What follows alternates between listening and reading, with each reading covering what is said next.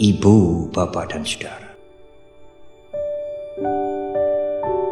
Ada dua hal yang pernah disebutkan oleh guru agung kita Buddha Gotama. Kepandaian dan kebajikan.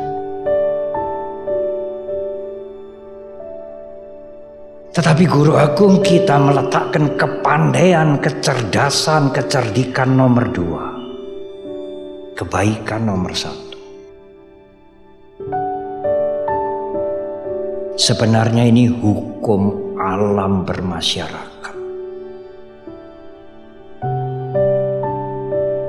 Orang pandai saja, pintar saja tapi pintar ngakali, tidak dipuji. Tapi kalau orang baik meskipun kurang pandai, dipuji dia. Kalau dia baik dan pandai bagaimana Bante? Guru Agung kita mengatakan masyarakat memuji dua kali lipat. Apalagi ibu bapak dan saudara. Tidak hanya mengendalikan perilaku, mulutnya dan perbuatannya dikendalikan. Tetapi juga bermeditasi mengendalikan pikiran, Karena semua tingkah laku kita yang baik dan yang buruk datangnya dari pikiran.